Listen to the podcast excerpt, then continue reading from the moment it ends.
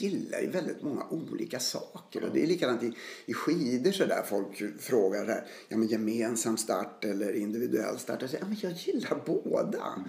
Även om jag tycker att det borde vara individuell start på fem milen. Ja, jag står för det.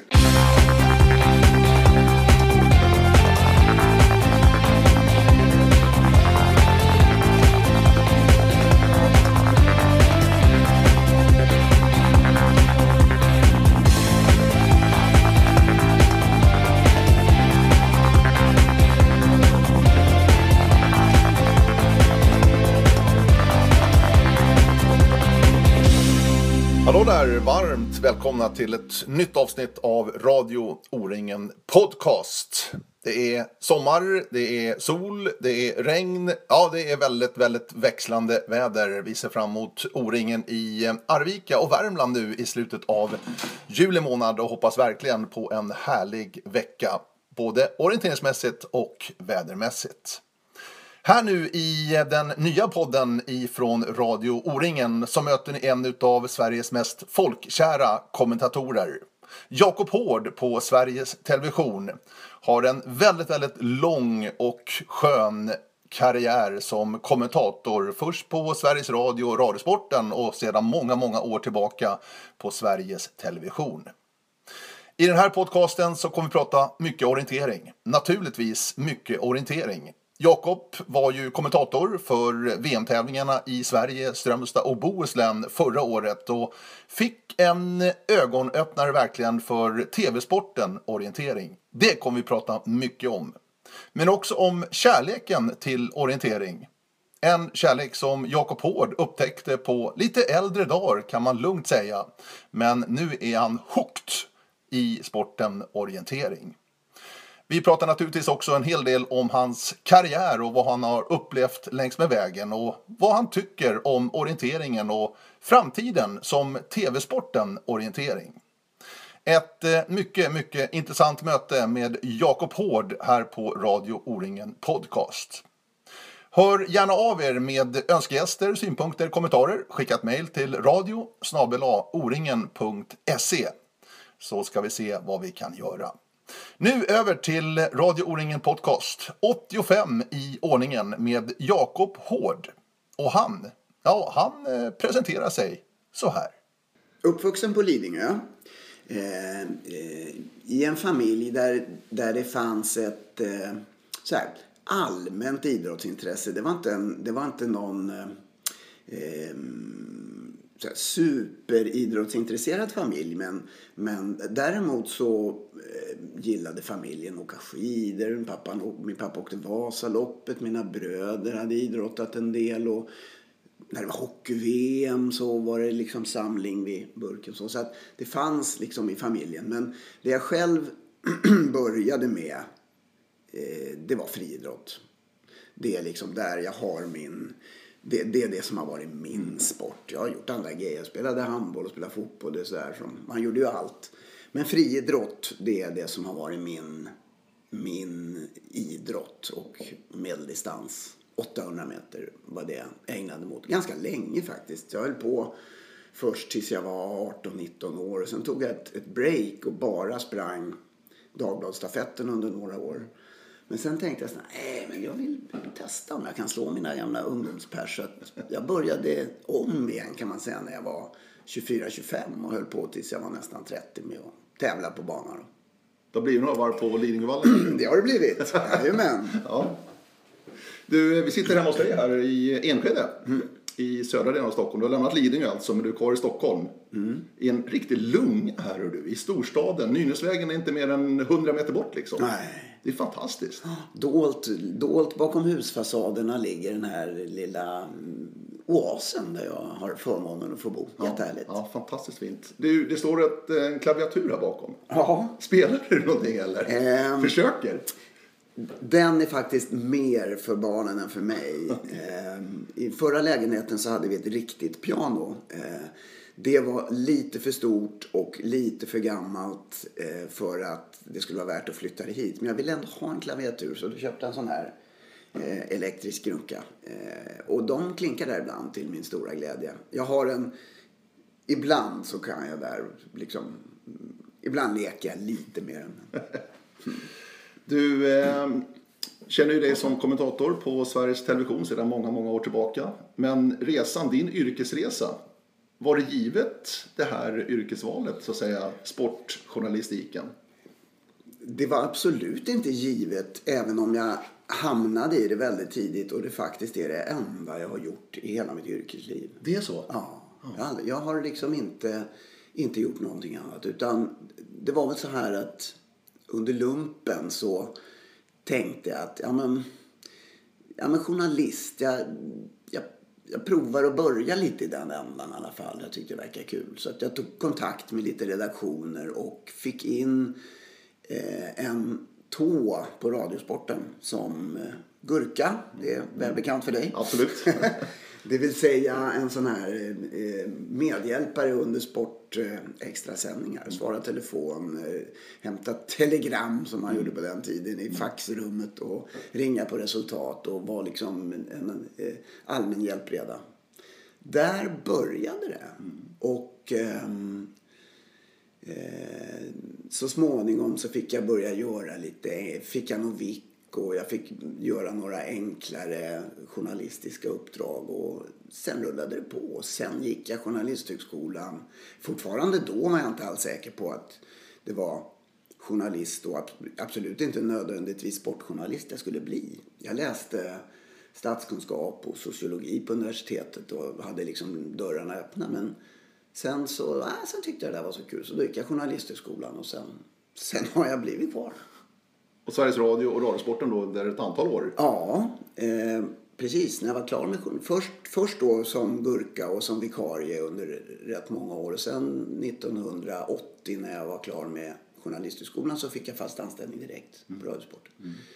Och sen från 86 har det varit SVT. Mm. Sen 86? Ja. Oj, oj, oj, det är så länge alltså. alltså. Ja.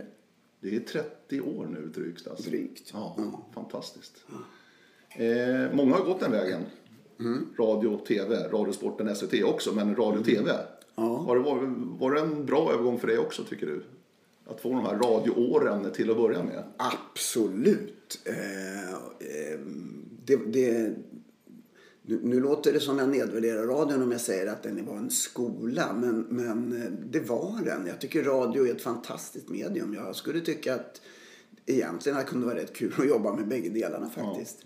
Eh, De där radioåren, jag lärde mig otroligt mycket och vilka människor jag fick jobba med. Jag hade ju Åke Strömmer och Tommy Engstrand var ju liksom mina två chefer under den tiden jag var där. Och så mycket som jag lärde mig av dem och av andra kollegor, det, det, det har ju faktiskt format mig även, även vidare sen i tv-journalistiken. Jag blev så glad när jag kom in här och knackade på din dörr här i Enskede. Att radion stod på det här huset Ja. på morgonen. Ja. Jag är ju likadan, jag är exakt likadan. Jag slår aldrig på tv om morgnarna, utan jag har radion på också. Ja, jag är likadan. Du är likadan. Ja, ja. jag tittar, det vågar man väl inte säga, men jag tittar inte på tv på morgonen. Jag gör faktiskt inte det. Det har aldrig blivit en vana och det är på något sätt som jag, jag, jag vill inte riktigt göra det. Jag tycker radion är, radion är ett härligt medium och inte minst på morgonen där. Du, eh, under de här åren då, det var inte så jättemånga år då på Radiosporten egentligen, som anställd. Nej, fem, sex. Fem, sex år, ja. Precis. Var det redan då att du hittade det här med, eh, som vi har lärt känna dig då, med skidor, friidrott då framförallt. Alltså, det var dina områden redan där på den tiden. Friidrott eh, fick jag chansen att göra väldigt tidigt. Nästan från början. Jag var med redan i OS i Moskva 1980. Det var ju det året jag blev anställd. Så friidrott, eh, det, var, det gjorde jag från början på radion. Sen var det så här att eh, 1984 någonstans så sa Åke Strömmer upp sig eh, under en period från radion. Då blev det en tjänst ledig i Falun och då hoppade jag på den som vikarie.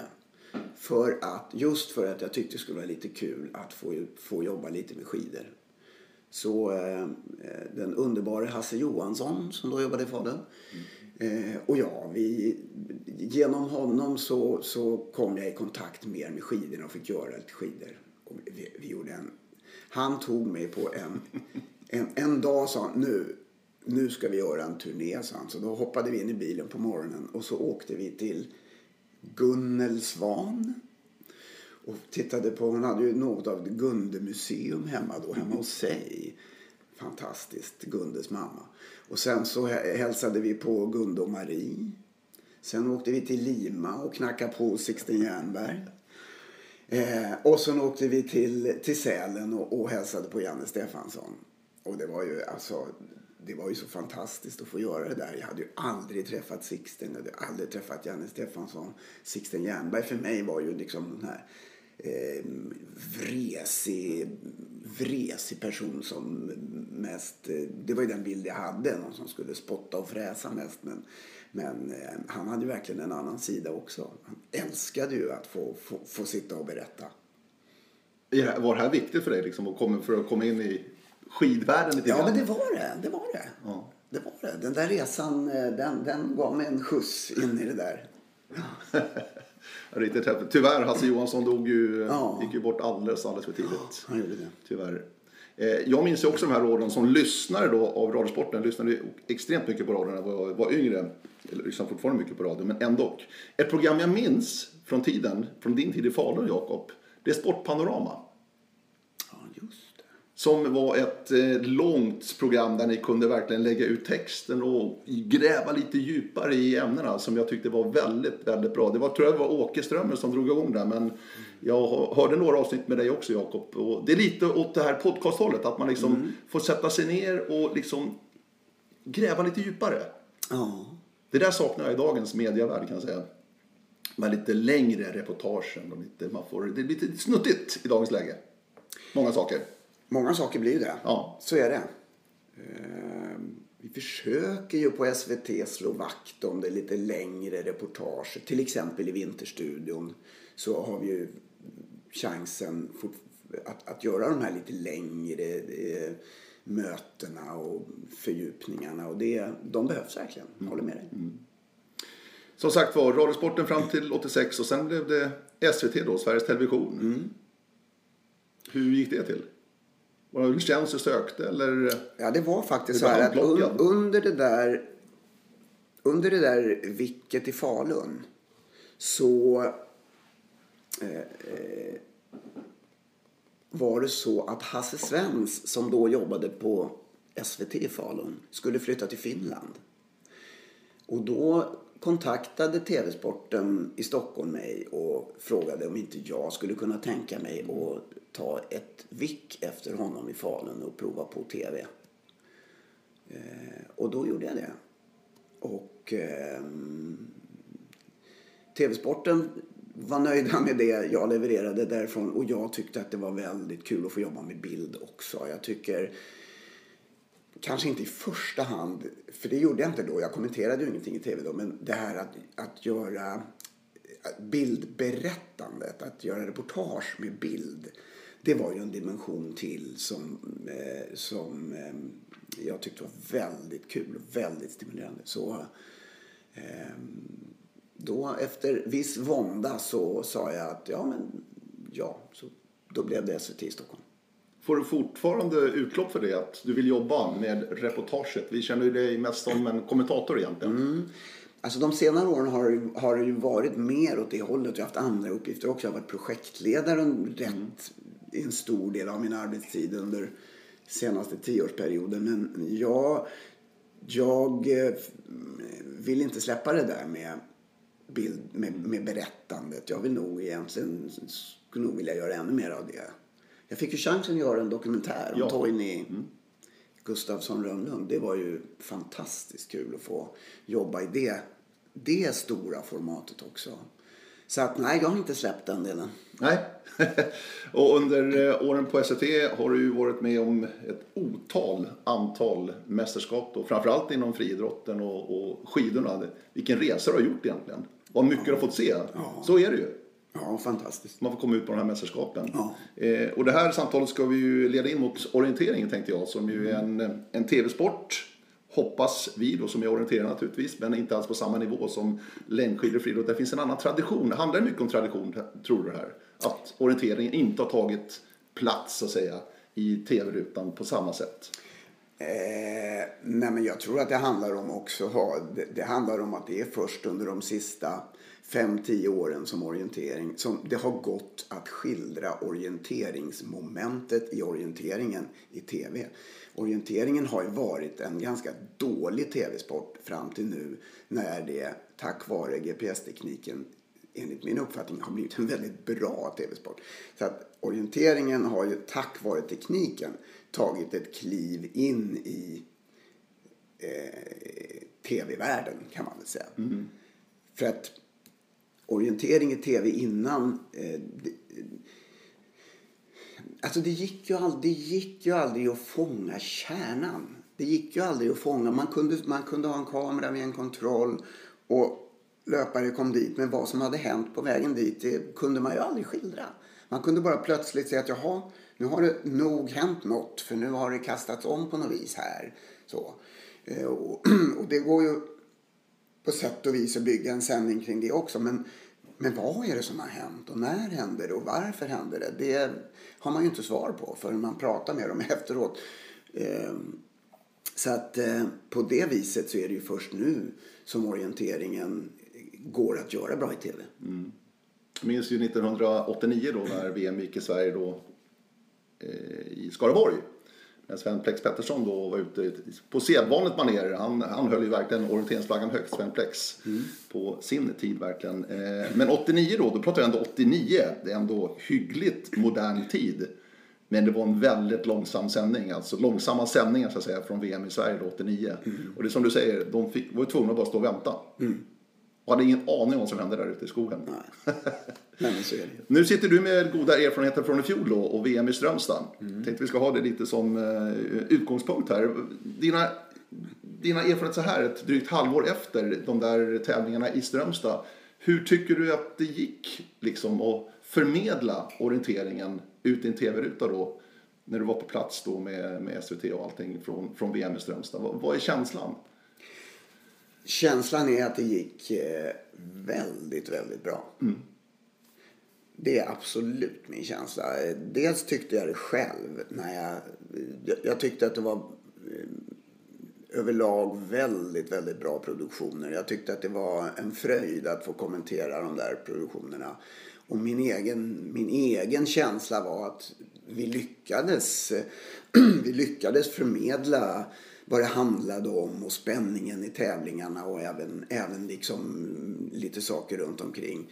Och det är också den feedback som jag fått från, jag, jag tror sällan, nu har jag i och för sig, nu kommer den mycket från orienteringsmänniskor men eh, eh, jag har sällan fått så mycket positiv, eh, positiva reaktioner på ett jobb som på eh, orienterings faktiskt. Vad tror du det beror på? Är det en svältfödd tittargrupp? Absolut, det tror jag. Alltså, det är det ju. Eh, men jag, jag, Man kan säga att det är två typer av reaktioner. Den, mm. ena, är, den ena är från, från liksom, eh, eh, folk som är väldigt inne i orienteringen. Och jag blev väldigt glad över att de har uppskattat sändningarna också. För att de har naturligtvis höga krav på de som är initierade och intresserade själva har ju förstås krav på att det ska vara bra och relevant för dem. Och det verkar det som det har varit på de reaktionerna. Men sen har det också varit den här reaktionen från ja, jag har ju en arbetskompis som trodde som hade såg det där och sa åh vad kul det var att se orientering. Alltså ganska mycket den. Mm. Eh, Leif Bork skrev på Twitter eh, orientering, nya tv-sporten. Alltså, alltså den typen av reaktioner också från icke-initierade som har har då, och det var ju ett av målen med sändningen, att nå också utanför orienterings, eh, orienteringsfamiljen så att säga. Eh, och eh,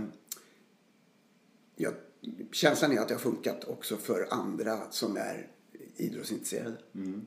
För att det är väl den svåra delen med orienteringen, att det kanske är lite svåråtkomlig och svårförstådd för de som inte är orienterare. Är det inte så? Jo, det är klart. Jo, det finns ju sådana som så här, åh en karta och så blir det bara, åh nej, hjälp, ja. så här, jag förstår ingenting. Alltså, folk kan väl kanske bli, det finns väl vissa människor som kan bli nästan blockerade av en kartbild och saker som rör sig på den. Och man kanske inte kan nå alla. Men så himla svårt är det ju inte. Och man behöver ju inte förstå, man behöver ju inte förstå varje detalj. Men man, och, och att förstå de stora dragen, att fatta vad det, vad det går ut på, det är ju inte så svårt. Så att eh, det, det tror jag inte man behöver vara rädd för. Hur, eh, hur pass seriöst gick du in för det här? Alltså dina förberedelser inför VM-orientering i Sverige? Eh, nej men för mig var det för mig var det förra årets viktigaste jobb. Eh, jag tyckte, för att det var något nytt och för att jag tyckte att det var väldigt roligt att få, få sätta tänderna i det här och för att det var ganska nytt. Jag hade ju bara kommenterat en SM-sprint och en världscupavslutning tidigare. Så att eh, jag hade ju känt på det men väldigt lite. Så att eh, för mig var det ju, jag förberedde mig ju mycket. Mm. Är det annars samma känsla tycker du Jakob som kommentator att kommentera? Det är en tävling, du har en grafik med en klocka som rullar, ska försöka matcha mot en annan tid. Är det ungefär sak samma så att säga att kommentera ett skidlopp som en orienteringstävling? Väldigt I grund och botten?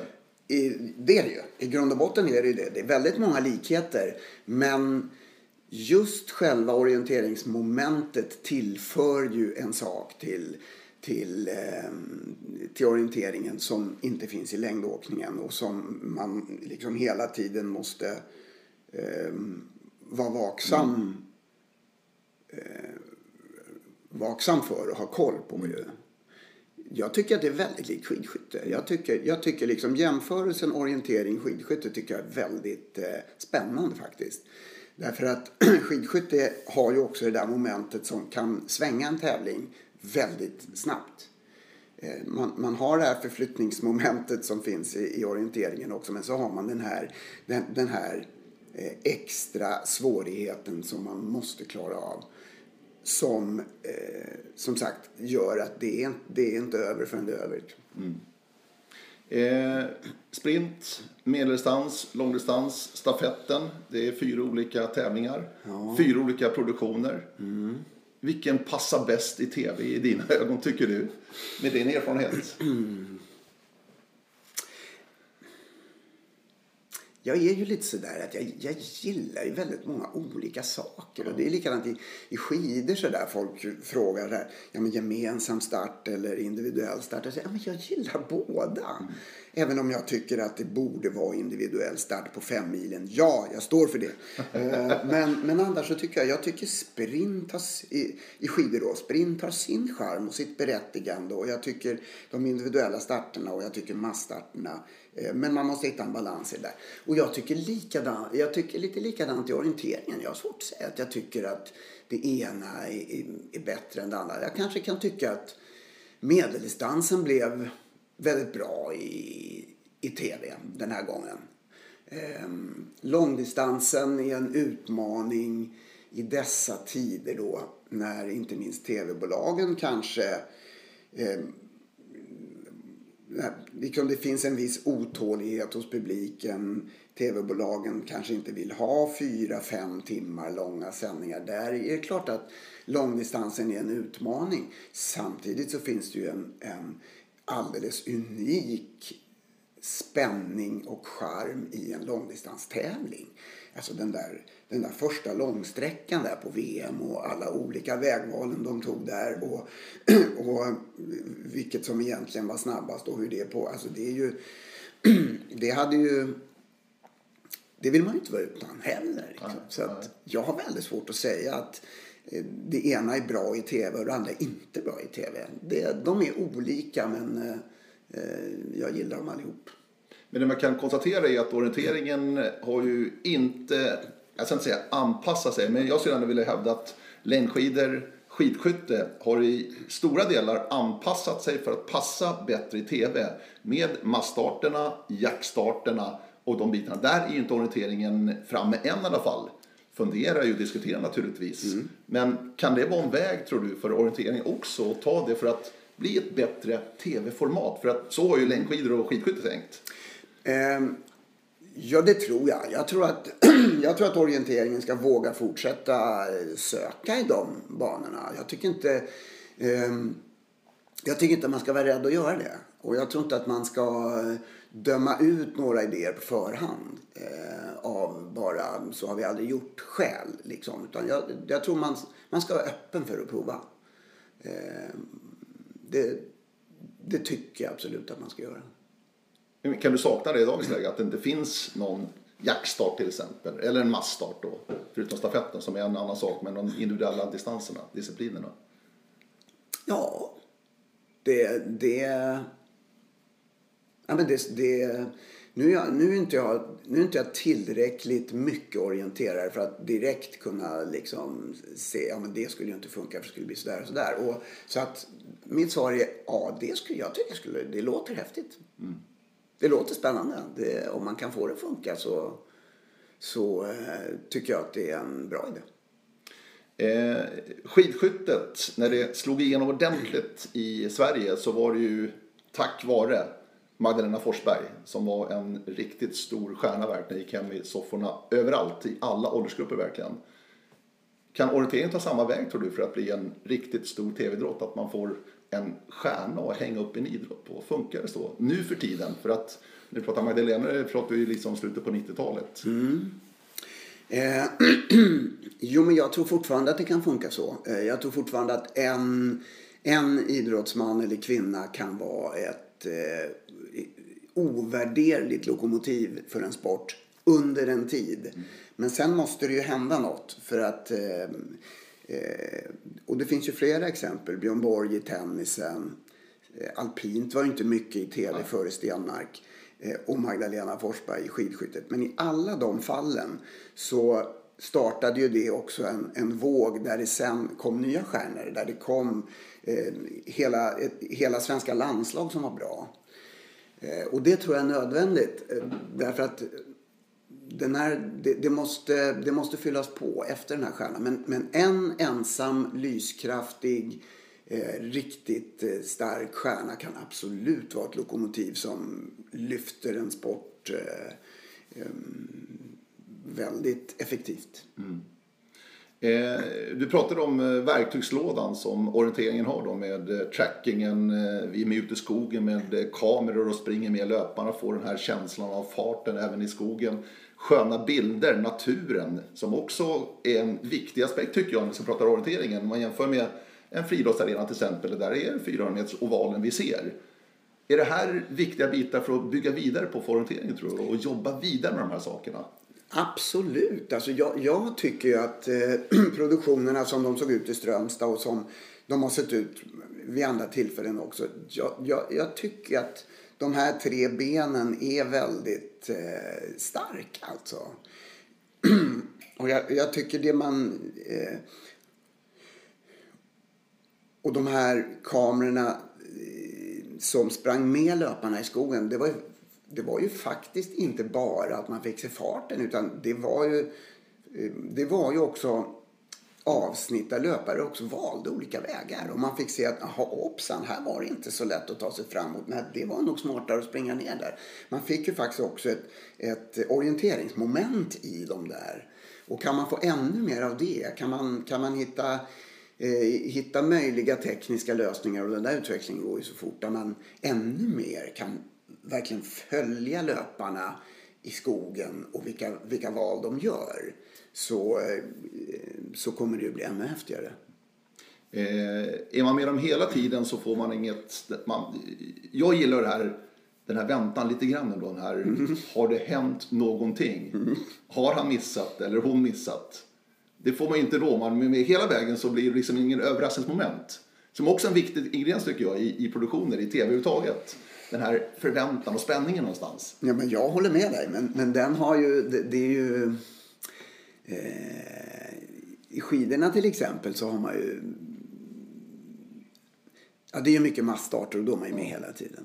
Men även tycker jag att produktionerna i eh, de individuella starterna har lämnat det där lite för mycket. Jag tycker man skulle våga gå till en tidskontroll och vänta lite mer. Exakt. Eh, för att jag håller med dig. Den, den där spänningen i att inte veta men att snart få veta. Den är ju, den är ju eh, kittlande. Ja, ja det, är, det är en viktig bit verkligen. Ja. Du pratar om eh, orientering, ditt, ditt, eget, din egen orienteringsbakgrund, Jakob. Ja. Hur ser den ut? Jo, den ser ut som så att eh, jag fick tidigt ett intresse för kartor. Min pappa jobbade med kartor. Så mina första somrar så bodde vi på lite olika ställen runt om i landet. För min pappa var ute, i, min pappa var ute och ritade kartor helt enkelt. Jaha. Så att eh, jag har någon karta från när jag är fyra år och varit ute i skogen och ritat min egen karta. Så att jag hade ett tidigt intresse för kartor. Eh, och ett, tidigt, ett ganska tidigt intresse för löpning. Eh, och sen så var det väl så att när jag friidrottade så ibland så orienterade vi lite som träning på höstarna. Ibland så här sprang vi veckans bana vid motionsgården så här på Lidingö. Eh, orienterarna la någon så här K lätt KM-bana åt oss ibland. Så vi körde KM för friidrottare. Och jag tyckte alltid det där var himla kul. Eh, så att det har liksom legat i bakhuvudet väldigt länge. Och sen, hade, sen var det ju också, det, det är ju är fortfarande bland det roligaste jag har gjort. Jag fick chansen att vara med på 10 sändningarna på radion på 80-talet. Eh, när Radiosporten sände hela natten och det var en, det, det verkligen var en stor grej. Och, och den, den eh, mystiken som var för mig kring de där 10 mila nätterna.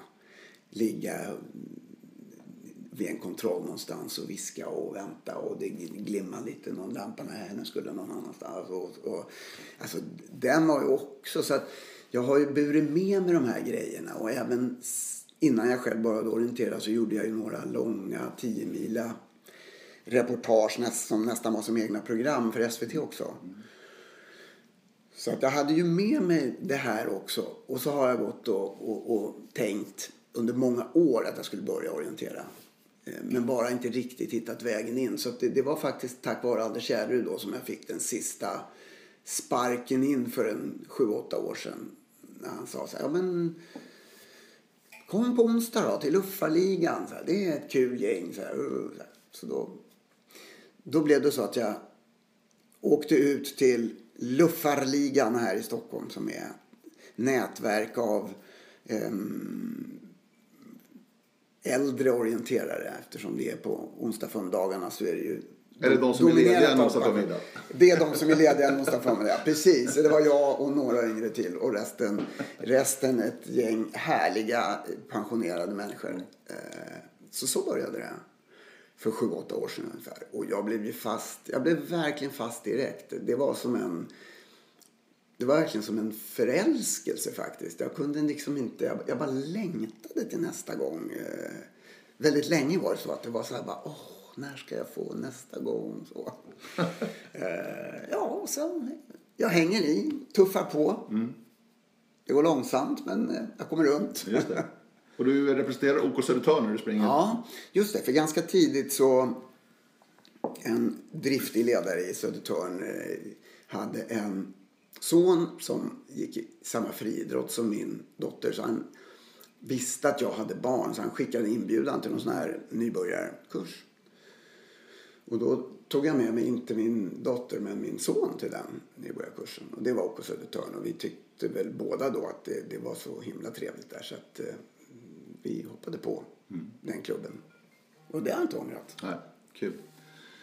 Du, eh, Inför VM i Sverige förra året i Strömstad så gjorde du eh, en, en serie med inslag tillsammans med Helena Jansson och Gustav Bergman för att visa lite grann om hur elitorienterarna agerar i terrängen. Eh, och du fick också en känsla av hur pass duktiga de är och hur fort det går där ute i skogen. Vad säger du om eliten i orienteringsvärlden, att de lägger ner så otroligt mycket tid och är så otroligt snabba ute i skogen? Vad var din känsla när du fick lära känna Helena och Gustav på det här sättet? Ja, för det första var det ju väldigt eh, två, två fantastiskt sympatiska eh, och människor som var väldigt kul att jobba med och som eh, bidrog, bidrog med sig själva på väldigt många sätt i det här projektet. De hade ju gjort en hel del av förberedelserna så där också. Det, det, var, det var fantastiskt. För tanken var att bygga inför Strömstad lite grann Ja, och bygga liksom, eh, lärarorientering på något sätt. Liksom. Ja, ja, visst. ja visst. Nej men alltså, det, det, det är ju... För mig, är det ju, för mig går det inte riktigt att förstå hur man kan... För det första, man bara kan springa så fort i obanad terräng. Eh, Alltså bara där är det ju... När man ser liksom Gustav Bergman som någon kamikaze-pilot bara störta fram. Så det, så det, det, är ju, det är ju obegripligt hur man bara kan springa så fort. Och hur man då samtidigt kan läsa en karta och fatta någon slags beslut. Ehm, Det, det är en annan värld faktiskt. Man gör, man gör samma sak men ändå inte. Liksom. faktiskt. Ja. Nej, det är, Men ändå, det, det, det är väldigt roligt ändå att höra hur de... Det var ändå, det var ändå lärorikt, väldigt lärorikt för mig också som, som eh, här, halvnybörjare och amatör att eh, höra hur de tänker och, och liksom det finns saker man kan ta till sig även på min nivå från deras, deras sätt att tänka. Även om man inte kan göra det i den farten och, som de gör det. vad, vad tänker du kring det att eh, Helena, Gustav och de andra då, landslaget och de som satsar och lägger ner enormt mycket tid. En del jobbar ju inte ens utan försöker få ihop sitt, sitt liv ändå. Om vi jämför med andra idrotter som är mer privilegierade då med, med pengar på ett annat sätt. Alltså det engagemanget och den insatsen som elitorienterarna gör då. Det är en icke-olympisk idrott också. Vilket också ställer till det lite grann för, för de här elitsatsande löparna som satsar verkligen på att bli världens bästa. Men alltså det här engagemanget som de lägger ner i den här och har liksom ingenting att vinna på det ekonomiskt. Nej. Vad säger det liksom om, om, om de här människorna? Nu hör jag ju till de som tror att det är väldigt många idrottare som... Alltså det, jag tror att drivkraften hos nästan alla som blir bra i idrott är något annat än pengar. Sen eh, kommer pengarna in och de finns där och de underlättar och de kanske blir en drivkraft för vissa i vissa sporter. Men jag tror att det som driver, ja, jag skulle nästan kunna säga alla som blir bra, det är något annat än pengar. Eh, sen är det klart att det är att, att kanske aldrig kunna få de där pengarna eh, är liksom veta att man måste man, man måste liksom man, man måste lösa det på något annat sätt hela vägen. Det är ju, det är ju beundransvärt och det, det kräver ju förstås när åren går liksom en, en extra gnista och en extra eh, hängivenhet som är, som är beundransvärd. För det, det är ju inte helt rättvisa villkor mellan idrotter, så är det ju. Verkligen inte. Det är ju ganska stora skillnader verkligen. Absolut. Alltså. Absolut. Eh, och i grund och botten ligger någonstans också tv-rättigheter naturligtvis som genererar ganska mycket pengar till vissa förbund och vissa idrottare. Eh, och där är ju långt ifrån rättvist verkligen. Men det här att tv-landskapet har ritats om så pass mycket som det har gjort under de senaste 20 åren kan vi säga. Kanske framförallt de senaste 10 åren egentligen.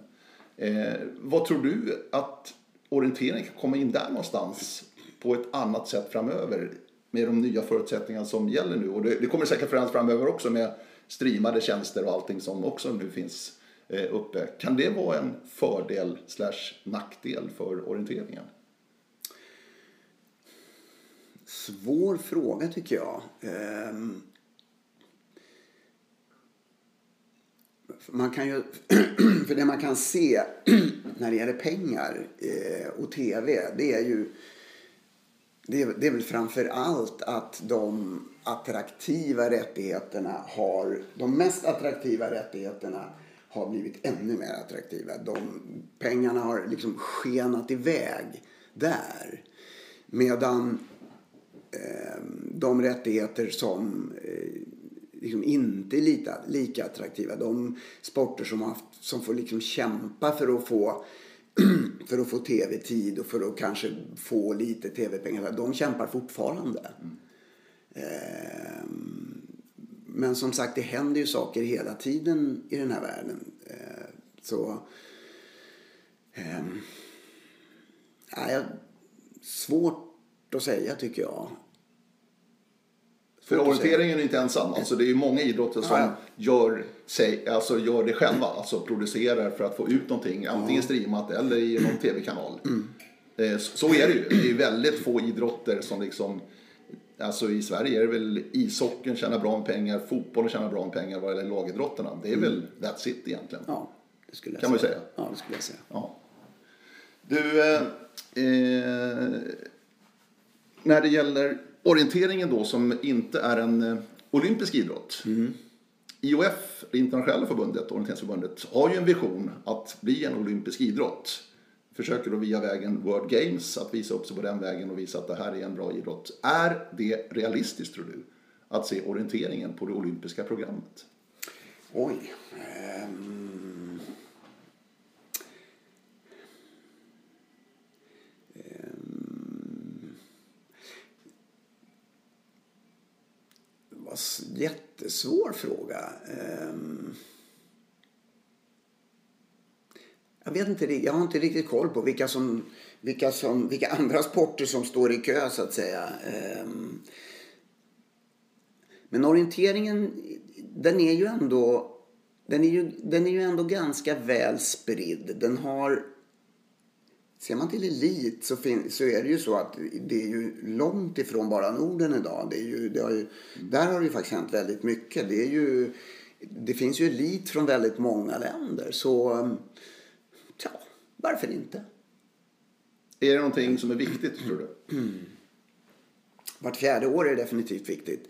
Hur viktigt det är mellan de åren, jag vet inte. Det är många små sporter som, som får sina timmar i rampljuset när det är olympiska spel men som är i princip inte existerar däremellan. Så att, ja, det, är, det är inte så att det plötsligt löser alla problem och så blir orienteringen en jättestor sport. Så funkar det inte. Eh, Orienterings-VM i sommar i Estland i början på juli månad. Och tyvärr så krockar det för Sveriges Television väldigt mycket med andra stora saker här hemma i Sverige. Ja. Vilket gör att SVT förmodligen inte kommer kunna, kunna sända. Nej, det, det, det är så det ser ut. Ehm, Det finns helt enkelt inte sändningsutrymme i tablåerna för det pågår, det pågår andra stora SVT-satsningar i båda kanalerna precis den veckan vilket är en väldigt olycklig timing. Det är SM-veckan. Det är SM-veckan och det är Almedalsveckan. Just det, Almedalen också. För efter då Strömstad, eh, när ni kom hem och sådär, vad var reaktionerna hemma på redaktionen efter den här eh, VM-veckan då i Bohuslän? Ja, men positiva. Alla, alla har tyckt att det, det blev väldigt bra. Ehm, ehm, det, det tror jag inte har undgått någon. Ja. Så så är det. Så att, eh, och det är klart att vi på redaktionen som, som brinner extra för orientering, vi, eh, vi lobbar ju förstås internt för att det ska bli mer orientering i SVT. Men, men det, det, det finns många idrotter, det finns begränsade resurser, det är, det är många liksom, beslut på vägen innan, innan man får sändningstid. Så att, eh, och, och det är inte våra beslut, men, men eh, det, vi, vi som var med och jobbade med Strömstad och tyckte att det blev fantastiskt bra. Vi, vi ser ju vi ser ju, om vi som inte behöver ta hänsyn till någon helhet och alla massa andra idrotter. Vi ser ju eh, att det var något väldigt bra och vi ser ju en potential. Vi, vi, vi vill ju gärna se en potential i orienteringen. Eh, att om man fick en större kontinuitet, om man sände orientering lite oftare, att människor kunde upptäcka de där sändningarna så tror vi att, eh, Eh, att orienteringen har väldigt många saker som skulle passa väl in i en tv-verklighet just nu. Det finns ett stort intresse för, för konditionsidrotter. Det är, en, det är en boom för alla möjliga olika, olika slags eh, konditionsidrotter. Vi vet vilket enormt genomslag vinteridrotterna har.